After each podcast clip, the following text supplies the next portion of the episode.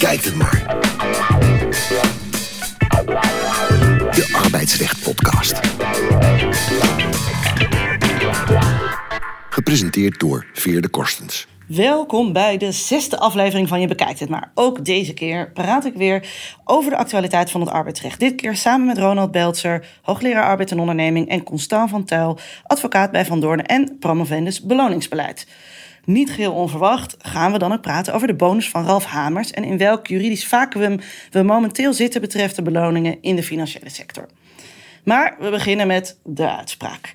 Degenen die al vaker luisteren weten dat dit een vast onderdeel is van deze podcast. Je tweewekelijkse update over de actualiteit in het arbeidsrecht kun je luisteren via iTunes of Stitcher. En als je daar een recensie achter wil laten, vinden we dat helemaal niet erg. Je mag ons ook altijd aanraden aan je arbeidsrechtelijke vrienden via Twitter of LinkedIn. Onder onze luisteraars zijn advocaten, wetenschappers, HR-managers en een socioloog. Van de sociologie gaan we over naar de luchtvaart. Want de uitspraak die Ronald heeft uitgekozen gaat over KLM en Martinair. Bij het samengaan van Martinair met KLM in 2008 is er al gedonder over de arbeidsvoorwaarden van de piloten. Want welke strepen mogen ze meenemen? En dat is nogal een dingetje in de luchtvaart. En er zijn al volgens mij al wel acht zaken geweest. Wie en wat hebben ze hem toch in godsnaam dit met elkaar uit te vechten? Ja, ze, ze staan op hun strepen, zou je bijna willen zeggen. Martinair is een, is een volle dochter inmiddels van KLM. Hè, dus dan moet je het zo zien. KLM is 100% aandeelhouder. Dus KLM heeft het feitelijk voor het zeggen. Dan zou je zeggen, nou Martinair zal bestuurders hebben. Nou, die hebben ze inderdaad ook. Maar dat zijn twee mensen die van KLM afkomstig zijn. Ehm, dan kun je ook nog een raad van commissarissen hebben bij grotere ondernemingen. Die heeft Martinair niet. KLM heeft uh, niet alleen een vinger in de pap, maar gewoon de hele arm. Mm Wat we zien, en ik denk dat er daarom ook zoveel rechtszaken zijn geweest, is dat Martinair uh, vanaf het midden van dit, van dit millennium, of het is 2008 ongeveer, ehm, stapsgewijs wordt uitgekleed. We kennen Martinair misschien nog van vroeger. Je kon naar Cuba vliegen. Ze deden ook veel bulkvervoer, goederen dus. Dus hadden die twee uh, divisies. Nu is het alleen nog maar cargo, toch? Nu is het alleen nog cargo, inderdaad. Dus die, die, uh, die passagiersvluchten die zijn allemaal, allemaal afgestoten. Daar zijn ook, het cabinepersoneel heeft ook allemaal procedures gestart tegen KLM. Uh, wat doen we met de piloten? Want daar hint hij al even op in het begin. Nou, die zijn uh, traditioneel uh, zeer goed verenigd en weten heel goed voor zichzelf op te komen. Ehm, daar is een, een vereniging voor de, de, VNV. Die afkorting kun je bijna raden wat daar, waar, waar die voor staat.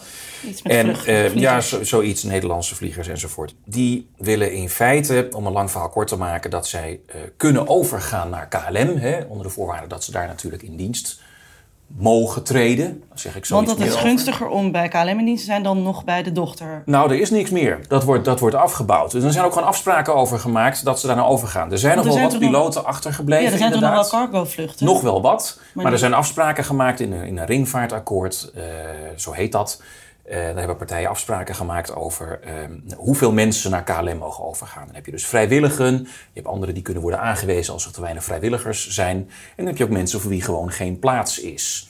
Eh, maar als je overgaat naar KLM, toch hetzelfde concern hè, met zo'n 100% aandeelhouder, dan kan ik mij voorstellen dat de gedachte leeft bij de mensen. Nou, we zijn allemaal één club. Hè. Het onderhoud wordt gezamenlijk gedaan. De stickers, de logo's lopen door elkaar. Ehm, dan mag ik toch houden wat ik had. En dat is weer gebaseerd op een regel die uit Europa komt en die heet overgang van onderneming. En dat behouden van wat je hebt is erg belangrijk hè, in die sector. Ja, Want je hebt ja. bijvoorbeeld ook eh, IPB, intiem plaats beschikbaar. En dan heb je dus meerdere rechten. Dus je ziet dat het best wel een beetje een hiërarchische, traditionele sector is... Waar, waar niet alleen maar je ontslagpositie... maar nogal veel afhangt van je senioriteit, Ja. anciëniteit. Heel veel. Ja, dus de, de grootte van de kist waar je op mag vliegen. Dat heeft ook letterlijk te maken met het aantal strepen. Nou, een, een horizontale wissel van werkgever binnen de luchtvaart zie je bijna nooit. Eh, want je moet altijd weer op nul beginnen dan. En een piloot die 20 jaar ergens werkt, die eh, op- weer eh, bij nul moet beginnen bij Ryanair of weet ik veel waar. Vliegjes naar Polen. Ja. Ja, die, die is niet blij. En die denkt, nou ja, goed, KLM, dat is dezelfde maatschappij. Eh, dus ehm, ik kan toch een soort ja, parallelle entree maken. De juristen snappen wat ik hiermee bedoel.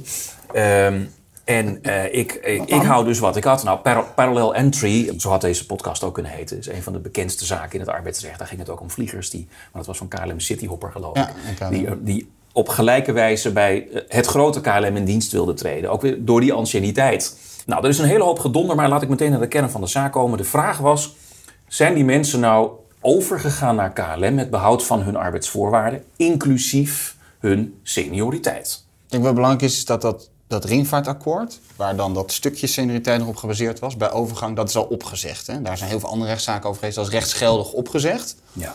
Dus uh, door, daar, wie, door wie is dat opgezegd? door KLM. ja en door VNV Eh, zelf. En door VNV. En daar kan dus nu geen beroep meer op worden gedaan. Dus nu vallen ze eigenlijk terug op de, ja, op de wet. Ja, saillant was, ehm, het gaat hier om overgang van onderneming. Overgang van onderneming is in een paar zinnen, als de ene onderneming de andere onderneming overneemt, dan behoudt het daaraan verbonden personeel dat overgaat alle rechten en plichten uit de arbeidsovereenkomst en mag het niet worden ontslagen. Ja. Ja, dus je hebt een tamelijk sterke positie. Ja. Al je arbeidsvoorwaarden gaan mee als uitgangspunt. Dus ook als het bij de verkrijger, de koper, als het veel, slecht, veel slechte arbeidsvoorwaarden gelden. Dus dat is heel gunstig. Waarom dan zo'n ringvaartakkoord? Nou ja, er stond ook, en daar wil ik naartoe, in het ringvaartakkoord staat ook... op het moment dat werknemers een beroep gaan doen op overgang van onderneming... hebben partijen het recht het hele ringvaartakkoord op te zeggen. En dat gebeurt ook. Want je zei zelf al terecht, ja, er zijn wel iets van acht procedures geweest. Nou, het hoefde er dus maar één te zijn. Ehm, en inderdaad werd daardoor dat ringvaartakkoord opgezegd. En werd het dus nog belangrijker voor die piloot om te kunnen zeggen... dit is een overgang van onderneming van Martinair naar KLM. Wij houden dus wat wij hadden en wij komen daar dus gewoon binnen. Saillant is trouwens ook dat KLM dat oké vond als uitgangspunt. Maar, dat de bonden bij KLM zelf daar geen zin in hadden. CNV en FNV die zitten er natuurlijk voor hun leden. En die zagen natuurlijk dan eh, aankomen dat die, die, die Martinair-piloten eh, daar binnenkomen met hun senioriteit, wat ten koste gaat van hun leden. Ja, Eh, dus, en je ziet eigenlijk dat dat ringvaartakkoord is dus eigenlijk een, een compromis. Hè? Want Ja. de ene partij zei, hé, hey, er is wel overgang van onderneming. De andere partij zegt, geen overgang van onderneming. En nu wordt het weer, omdat het is opgezegd, wordt het weer een beetje alles of niets. Ja, dus klopt. ofwel je komt gewoon binnen als éénstreper. ja. Eh, ofwel je komt binnen met eh, de, de volle entourage. Ja, en dus niks daar gaat het ertussenin. nu om. Ja. En niks tussenin. Ja. Nou, er waren dus voldoende mensen die vonden dat er tussenin niet genoeg was. Hè? eh, Dus die beroepen zich dan op overgang van onderneming, dus liever alles. En tot nu toe hebben ze steeds niets gekregen. En ook in deze zaak. En dat heeft te maken met hoe je die overgang van onderneming moet uitleggen. Want een rechter moet dan een aantal factoren gaan wegen. Kun je nou nog zeggen dat die onderneming na de overname zo'n beetje dezelfde is? En eh, ja, dat die identiteit heeft behouden. Nou, dan heb je een aantal factoren. En het Hof Amsterdam loopt die eh, keurig af. Relevant is bijvoorbeeld dat de klantenkring dezelfde is gebleven. Eh, dat je activa hebt overgenomen waarmee je de onderneming drijft. En of dat je personeel van een qua aantal en deskundigheid wezenlijk deel van het personeel hebt overgenomen. Nou, eh, die Martinair-vliegers doen er alles aan om te zeggen van... dit is toch eigenlijk gewoon een overgang, want ja, we zitten al in één club. Eh, KLM heeft misbruik gemaakt van macht door, het een beetje, een beetje de salami-tactiek te hanteren. Hè? Eerst dat stukje afstoten, dan dat stukje overnemen... dan die vliegtuigen eh, wegzetten, nou, enzovoort, enzovoort. Maar in de luchtvaart geldt, en het Hof verwijst daar ook naar... dat het een zogenoemde kapitaalintensieve sector is... Dat betekent dat de verkrijger, om te kunnen spreken van identiteitsbehoud, in ieder geval, laten we zeggen, in dit geval de kisten moet meenemen. Ja? Eh, bij een busmaatschappij geldt dat voor bussen bijvoorbeeld. Ja, als je die niet overneemt, is er geen overgang van onderneming. En dan is het dus niet alles, maar is het niets. Want er zit niks tussenin. Nee. Als het een overgang is, krijg je alles en iedereen mee. Je mag geen werknemer achterlaten, tenzij die dat zelf wil natuurlijk. En als het geen overgang van onderneming is, hoef je helemaal niemand over te nemen. En kun je vrij onderhandelen met elke piloot onder welke voorwaarden die in dienst zit. En als hij nee zegt, komt hij niet in dienst. Ah, en daarom zijn er zoveel rechtszaken. Want iedereen kan dus zelf onderhandelen. Maar tot nu toe krijgen ze allemaal deksel op de neus. Tot nu toe krijgen ze deksel op de neus, inderdaad. Je zou bijna zeggen dat je hoopt dat dit de laatste zaak is. Eh, want de, de uitkomst is steeds dezelfde. En KLM heeft geen vliegtuigen overgenomen. En daarmee is eigenlijk de zaak af. Wat je dan hier ziet is dat eh, het Hof toch nog ingaat op allerlei andere factoren. Ja. Wat strikt genomen helemaal niet hoeft. Hè, want je hoeft niet na te gaan of... eh, Dat is of een vrij lange uitspraak, vind Ja, ik. Terwijl met Air Atlantis er toch wel helderheid op dit punt is verschaft. Dus waarom, waarom zou je het dan nog moeten hebben over de landingsrechten en dat soort zaken? Wat. Meer als randzaken. Maar misschien is het Nou, zorgvuldigheid. Ik denk ook dat in de literatuur is wel een aantal keer naar voren gebracht, en daar ben ik zelf een beetje schuldig aan, dat eh, die landingsrechten en die slots en zo, dat dat eh, ehm, in feite het belangrijkste is voor eh, eh, de vliegwereld. Belangrijker dan de kist eigenlijk. Ja, die kun je overal vandaan halen en die landingsrechten krijg je niet zomaar. Nee. Ehm, en, en dat die dus misschien wel waardevoller zijn. Nou, dus dat, dat argument is dan wellicht in deze procedure nog gebruikt. En het Hof gaat daar ook, eh, ook op in. Ehm, maar het had niet gehoeven. Dus de, de uitspraak is 18 pagina's lang. Dat is fors. Er wordt behoorlijk veel werk gemaakt door de vliegers van het argument van joh, dit is gewoon kunstmatig. Hè? Er Ja. wordt kunstmatig een winst- en verliesrekening op, in stand gehouden op niveau van Martinair. Er wordt echt kunstmatig onderneming nog in stand gehouden. Eh, en er is een soort van samenspanning, omdat daar Ja. inderdaad KLM-bestuurders zitten. Ehm, dus is dit niet een wat door, te doorzichtige constructie en gaat wezen niet voor schijn? Ja, nou ja, dat is natuurlijk het wantrouwen. Dat, dat, dat zal ergens vandaan komen. Hè? En da- daardoor zijn er ook zoveel zaken. En zo begon ik ook. Hè? KLM is, is vol aandeelhouder en heeft natuurlijk een zekere macht. Daarmee is niet kwade trouw gegeven. Nee. Eh, Maar er zal inderdaad meer spelen dan wij in die 18 pagina's kunnen lezen. Ehm, maar het kan niet hard gemaakt worden dat Nee, Martinair precies. wordt Maar, maar denk jij dat, dat de rechter dat wel zo uitgebreid brengt om wel te laten zien van hmm, er is wel iets, maar we kunnen het niet bewijzen? Of, Nou, wat ik interessant vind is, volgens mij is hier niet in deze context, in de overgang van ondernemingcontext, niet echt een, een toets voor. eh, voor die kwade trouw. Of dan zou je toch misschien op onrechtmatige daad, dat wordt ook wel Ja, wordt aangevoerd. ja. Dus ik had het fijn gevonden als het Hof wat spelregels daarvoor had gegeven. die kwade trouw, de- daar ken ik eigenlijk maar één zaak van. Waarbij een ziekenhuis, dat speelde in een ziekenhuis, een overname van catering geloof ik, of een paar winkeltjes. En daar was de bedoeling mensen over te nemen, maar niet iedereen. Toen kwamen ze erachter dat het een overgang van onderneming kon zijn. En toen bleek uit een aantal e-mails, die dan helaas voor de betreffende partij in het geding werden gebracht, dat we dan maar niemand overnemen, want we willen geen overgang. Nou, toen is gezegd dat is misbruik van recht en het is toch een overgang.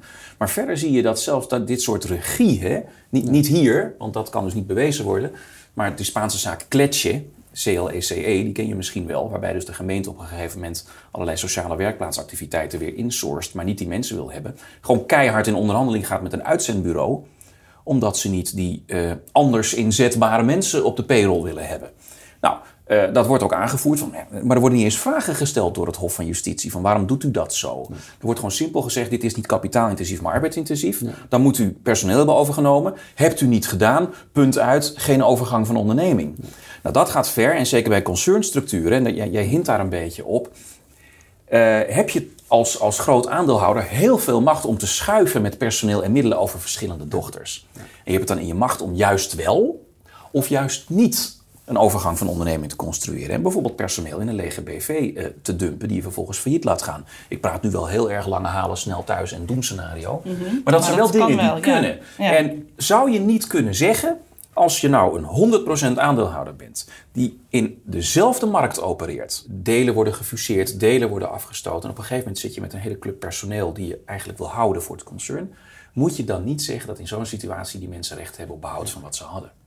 Ik vind dat niet gek. En dan vind je niet dat er ook een onderscheid gemaakt wordt tussen arbeidsintensief en kapitaalintensief. Want in die end, ja, die vliegtuigen die toch als heel belangrijk worden gezien, die worden gewoon in dit geval niet overgenomen. Dus daar maakt KLM geen gebruik van. En ook die landingsrechten niet. Nee, maar ze gebruiken wel die Eh, piloten voor andere zaken natuurlijk. Ja, dus dat is, dat is misschien toch een andere situatie dan, de, dan arbeidsintensief. Want dan kan je inderdaad echt spelen met poppetjes en zorgen dat er net niet dat wezenlijke Ja. en deskundige aantal over. Ja, maar ik weet niet hoe makkelijk het is om ervoor te kiezen om de geleaste eh, vliegtuigen van Martinair in de woestijn in Nevada te laten staan. Dat weet ik gewoon niet. Maar dat klinkt als kapitaalvernietiging. Eh, Ja, misschien wel. Misschien liepen die, eh die, die lease-termijnen conveniently op een bepaalde Daarom, termijn ja. af. Dat weet ik gewoon Ja, niet. Maar mijn, mijn punt is meer in het algemeen. Je ziet een concernverhouding eh, waar heel veel macht bij één partij ligt. Ja. In deze situatie in dezelfde branche opereert. Hè, dus Ja. niet een soort diversificatie, maar gewoon echt vliegen.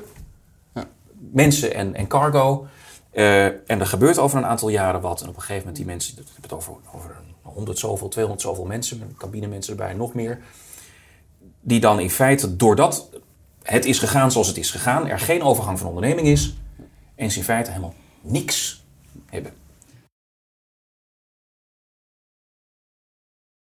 Eh, dan gaan we naar de brandende kwestie. In deze aflevering hebben we een dubbel gesprek met eh, mijn twee gasten. Want ze hebben namelijk samen één brandende kwestie meegenomen. En dat is er zeker één waarover we lang door kunnen praten. In maart werd de kritiek op het salaris van ING-topman Ralf Hamers zo groot... dat ING zijn salarisverhoging weer introk. Hamers zou dit in de vorm van een aandelenpakket krijgen... waardoor de bonusregels voor banken niet zouden gelden. De publieke opinie vond 3 miljoen salaris wel heel veel. Eh, het is niet verwonderlijk dat er nu zoveel ophef over ontstaat, want volgens Constant van Tel zitten we in een vacuüm. Er ligt een initiatiefwetsvoorstel van de oppositie. Tegelijkertijd is de evaluatie van de wet beloningsbeleid financiële instellingen uitgesteld. Eh, laten we beginnen met het begin. Waarom, waarom willen we topinkomens vastleggen? Waarom vinden we bonussen zo erg? Ik denk dat, dat eh, kritiek op hoge beloningen is iets al van de laatste 30 jaar zou ik zeggen, of de laatste 20 jaar. Na de boekhoudschandalen bij Ahold werd eh, Anders Moberg aangetrokken. Eh, en daar zijn behoorlijk wat rechtszaken over geweest over de, de afvloeingsregeling die zij ontvangen en eigenlijk ook de hoogte van zijn salaris. Hè. Dus je ziet het echt, het is niet iets exclusief voor de financiële sector. Uh, maar omdat in de financiële sector een crisis heeft plaatsgevonden, er veel banken en ook een enkele verzekeraar gered zijn met staatssteun, is het daar wel extra pregnant en uh, in het oog springend, die hoge salarissen. Maar jij zegt al van het is breder dan alleen een financiële wereld, want ook als een omroep iemand veel verdient of als een ambtenaar veel verdient, vinden we ook niet leuk. Ja, ja, en er wordt eigenlijk altijd dus er wordt, er wordt echt niet meer gekeken naar van nou wat is nou de in, wat wordt er intern verdiend en sluit het de de beloning van de topman daarop aan. Maar dat is gewoon een op zichzelf staand gegeven, waarbij eigenlijk niet meer wordt gekeken naar interne beloningsverhouding, maar met name extern. Van nou, wat verdienen andere vergelijkbare bedrijven? En uh, dat vergelijkbare bedrijf is vrij rekkelijk, want er wordt er toch meer gekeken naar de wat grotere bedrijven en naar de wat kleinere bedrijven. Dus je krijgt een beetje een self-fulfilling prophecy. Het, het vergelijken met uh, buitenlandse CEO's blijkt ook niet terecht te zijn. Dat zagen we in een proefschrift wat een paar weken geleden uitkwam van Manuel Lokin. Ja, ja, ik ga niet zijn proefschrift hier dunnetjes over doen. Dus ik denk dat, hij het, ik denk dat hij het echt zelf moet vertellen.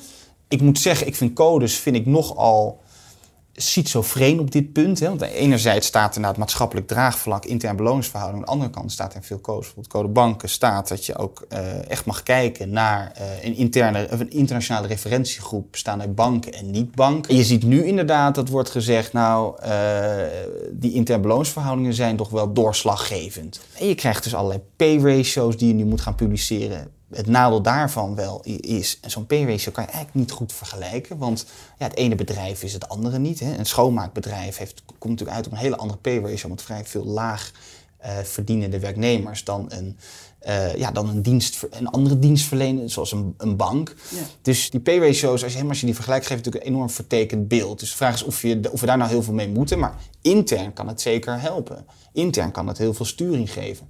Uh, ook aan die commissaris. Je zou het zelfs kunnen vastleggen, een beloningsbeleid. Van, nou, we doen een maximale P-ratio van 1 op 20, 1 op 30.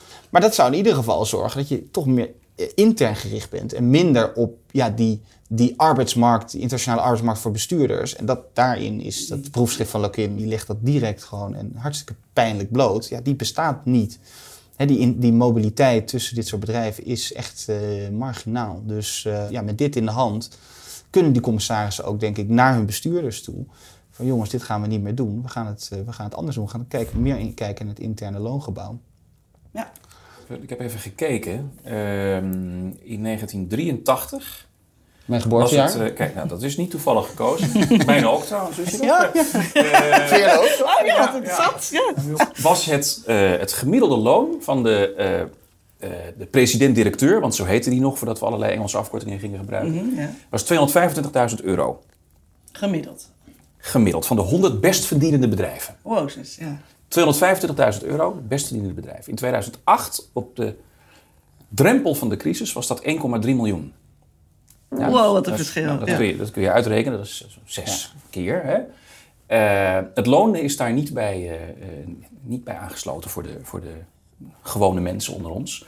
En dat zit er natuurlijk ook achter. Hè? Uh, ik kan me inderdaad nog herinneren uh, dat dan inderdaad een, een, bankdirecteur in de jaren 70, nou die verdiende nog bijna 300.000 gulden. Ja. Nou, inderdaad, 1983, 225.000 euro omgerekend, dan zit je tegen het half miljoen ja. aan. En nu 1,3. En dat was 2008. En iets zegt mij dat de laatste paar jaar, ja. ja. dat het iets minder snel is gestegen, maar het zal nog steeds gestegen zijn. Dus daar komt natuurlijk ook op een gegeven moment een soort reuring in de maatschappij. Hè? Van waarom zij wel en, en wij zolang die nullijn uh, enzovoort. Ja. Maar, ja. En, en dan vragen ze natuurlijk wel, vinden we die reuring terecht? Hè? Ik denk bij uh, publieke instellingen of semi-publieke instellingen wel, hè? want die worden vaak bekostigd met belastinggeld. in de financiële sector denk ik dat we ook met z'n allen hard mogen roepen, want die zijn inderdaad relatief, dat is ook alweer tien jaar geleden, relatief re recent gered met overheidsgeld. Mhm. Mm -hmm. Maar zouden we dat ook heel hard mogen roepen bij inderdaad de, ba de baas van, van Albert Heijn? Of moeten we dan toch maar zoiets hebben van, ja, weet je, als, als zij dat ervoor willen betalen, wie zijn wij? Want ja, je hebt ook een voetballer waar, uh, die veel geld verdient. Ja. Ik, ik, ik snap, daar, heb je denk, dan kom je toch een beetje uit op links-rechts. Van, nou ja, ben je, Geloof je in die sociale cohesie? Als je dit soort enorme uitschieters hebt van, nou ja, gaat dan toch niet ringen in het maatschappelijk cement. Worden we een communistisch land? Gini-coëfficiënt, hè? Ja, Ja. Gini-coëfficiënt Ja. inderdaad. Hè? Dus dat is eigenlijk een maatstaf waarmee een correlatie eh, is ontwikkeld tussen enerzijds grote inkomensverschillen en anderzijds ja, maatschappelijk ongenoegen, eh, criminaliteit, dat soort zaken. Waarmee dat eigenlijk wordt aangetoond. Hè? Dus ik geloof zelf ook wel in iets van een sociale cohesie. Aan de andere kant wil ik ook voor waken dat we nou te veel meedijnen op de golven van het maatschappelijk ongenoegen. Want ja, er zal altijd wel iemand zijn die meer verdient dan jij. Maar is dat alleen maar links-rechts, vind je? Want kijk, je noemt de voetballer, die kennen we allemaal. Maar als jij morgen een app ontwikkelt, het de nieuwe WhatsApp, maar dan op een heel ander terrein. En je verdient daar eh, ineens 80 miljoen euro mee. Nou, dan gunnen we je dat ook. Maar op een gegeven moment is er ergens een omslagpunt. En ik denk dat het ook mee te maken heeft dat het bijna altijd gaat om CEO's of, of andere C's.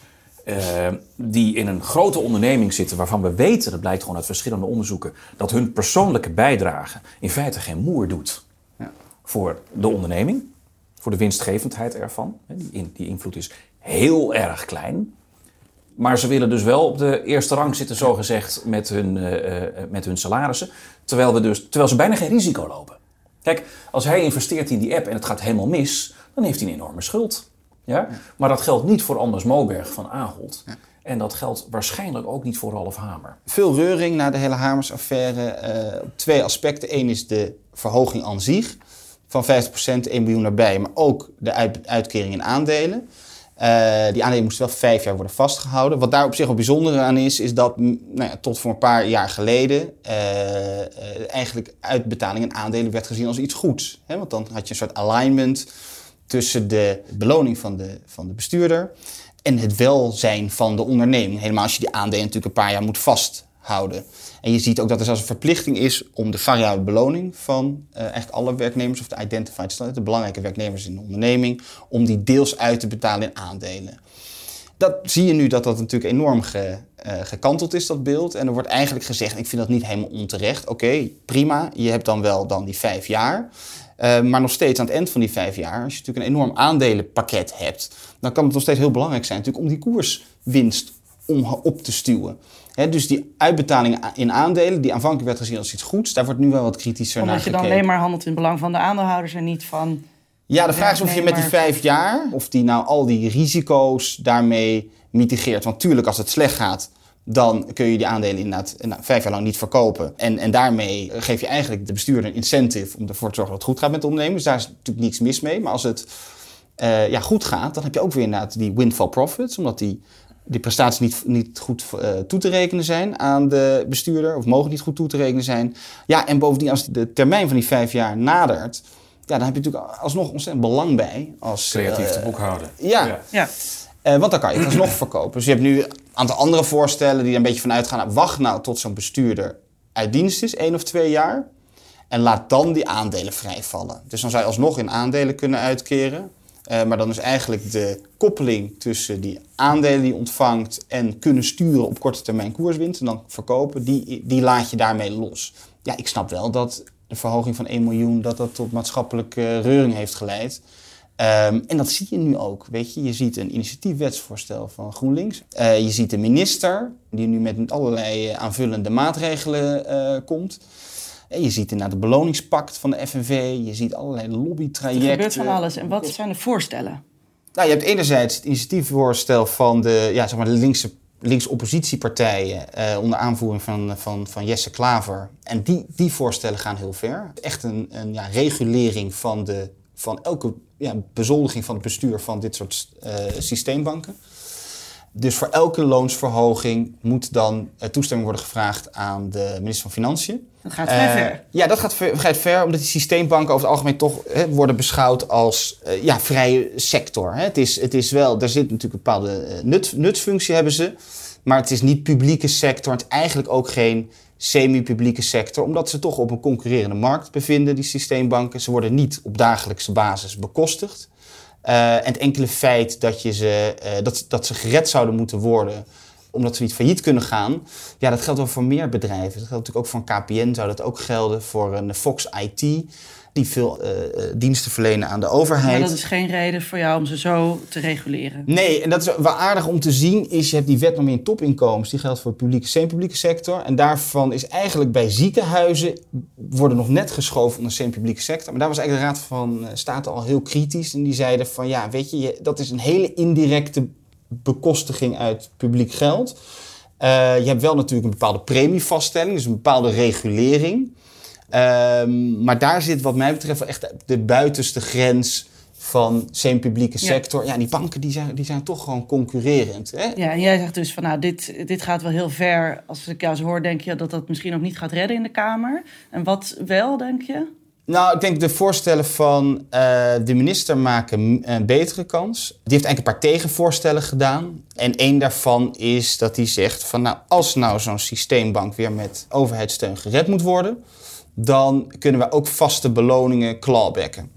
En ik denk in dat gered worden, daar zit denk ik de rechtvaardiging. Want dat is het. Het is niet absoluut verboden, maar je hebt gewoon een, een, een goede rechtvaardiging nodig om beloningen in de toch privaat, nou, voor 99% private sector, om die aan te passen of om, om die terug dus te worden. Als er iemand is gered met staatssteun, dat je dan achteraf dat kan terugvorderen. Ja, daar zit wel een rechtvaardiging in. En de rechtvaardiging is dan, wat mij betreft, tweeërlei. Enerzijds is uh, dat het natuurlijk een enorme prikkel geeft om niet de risicovol, uh, risicovolle activiteit te ontplooien. Uh, in de wetenschap natuurlijk dat dan een deel van je vaste beloning, hè, tot wel boven een bepaald minimum natuurlijk, kan worden teruggevorderd. Ja, een andere is dat je toch zou kunnen zeggen van, nou ja, in een crisissituatie met overheidssteun alle beetjes helpen. En dan zou dit ook uh, kunnen helpen om uiteindelijk zo snel mogelijk die staatssteun af te betalen. We gaan zo uh, verder praten of dit ook in uh, Europa een beetje past. Maar we gaan eerst heel even naar uitgeverij Boom.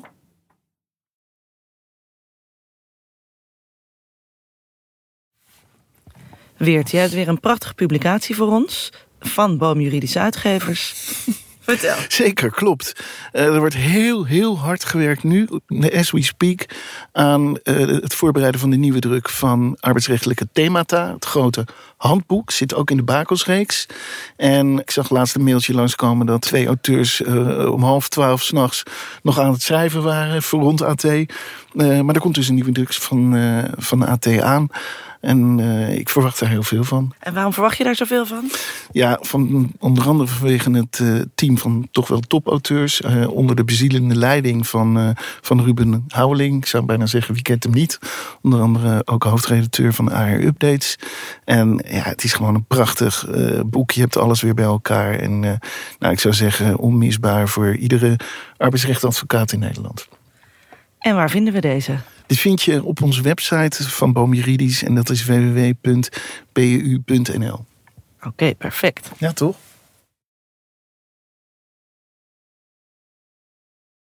We praten weer door over het beloningsbeleid met Ronald Beltzer, Constant van Tel. Dit wetsvoorstel, hè?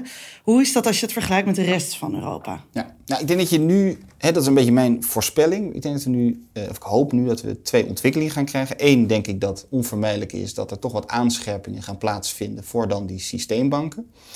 Maar anderzijds hoop ik ook dat we. We hebben nu een soort one-size-fits-all benadering voor de hele financiële sector op het gebied van beloningsbeleid. Ik hoop dat daar uh, wat verlichtingen komen van dat regime.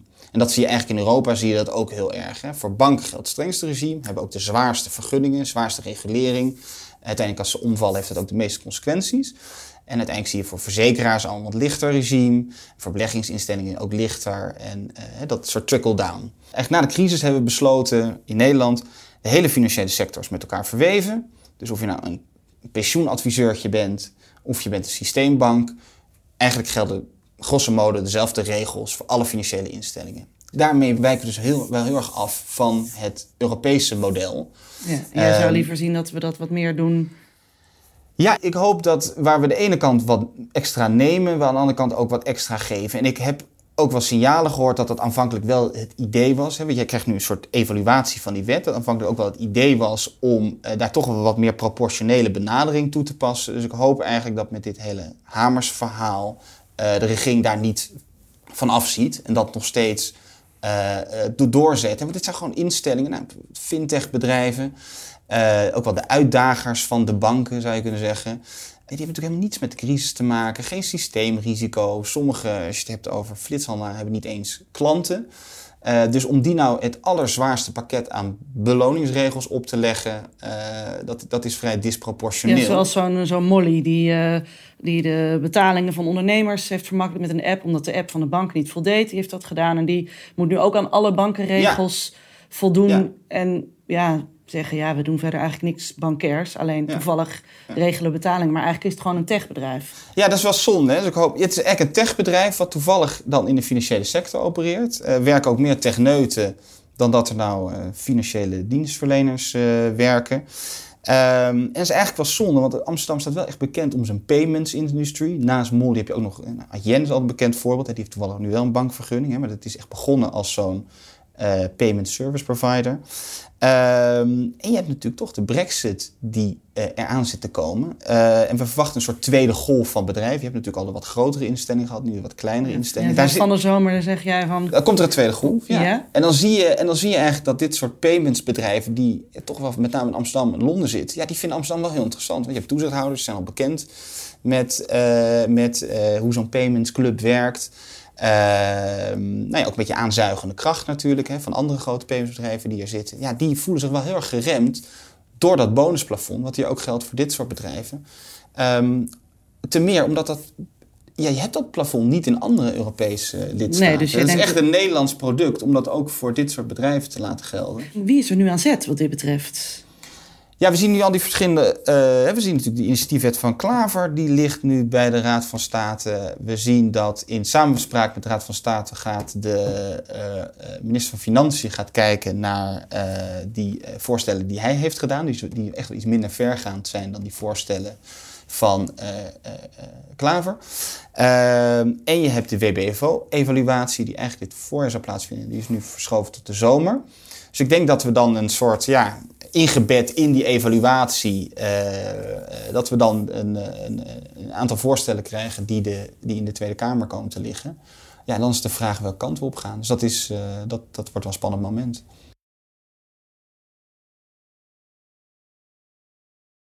Constant, een vaste vraag. Yes. Wat is voor jou een moment geweest waarop je dacht: dit is arbeidsrecht zoals arbeidsrecht bedoeld is? Ehm, ja, ik ga toch een beetje mijn eigen draai hier aangeven. Want ik kom natuurlijk zo'n 1, 2, 3 niet op een eh superleuke uitspraak. Wat ik, wat ik een beetje schrikbarend vind, is, en dat blijft wel een thema, is dat je ziet dat dat beloningsbeleid in de financiële sector, dat is een, eh, een, eigenlijk een overlapping van financieel recht. Hè, regels die gaan gelden voor banken. En arbeidsrecht. Hè, want banken moeten natuurlijk die regels doorvoeren in de individuele arbeidscontract.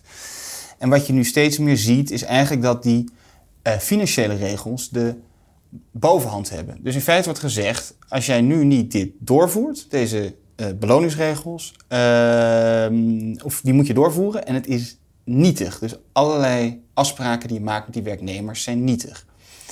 En dat ondermijnt een beetje het arbeidsrecht, wat toch uitgaat van, die beschermende, van dat beschermende karakter. En ik vraag me ook af of het niet een beetje gemakzuchtig is van de overheid. Die gaat er toch een beetje vanuit, ja, dat is anders niet te doen voor zo'n bank om dat door te voeren, want werknemers zijn zo goed beschermd.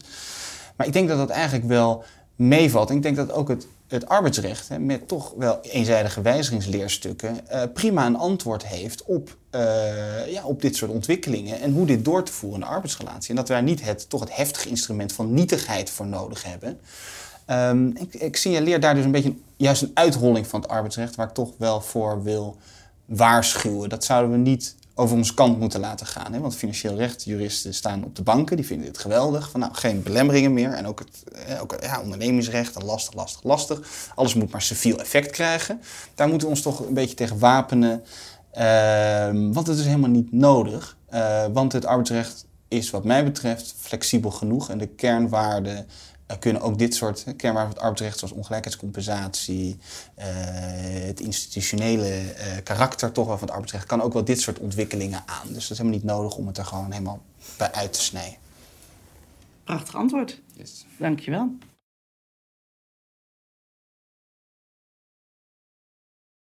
Dan bedank ik mijn gasten Ronald Beltzer en Constant van Tel. Fijn dat jullie de actualiteit in het arbeidsrecht met ons wilden bespreken.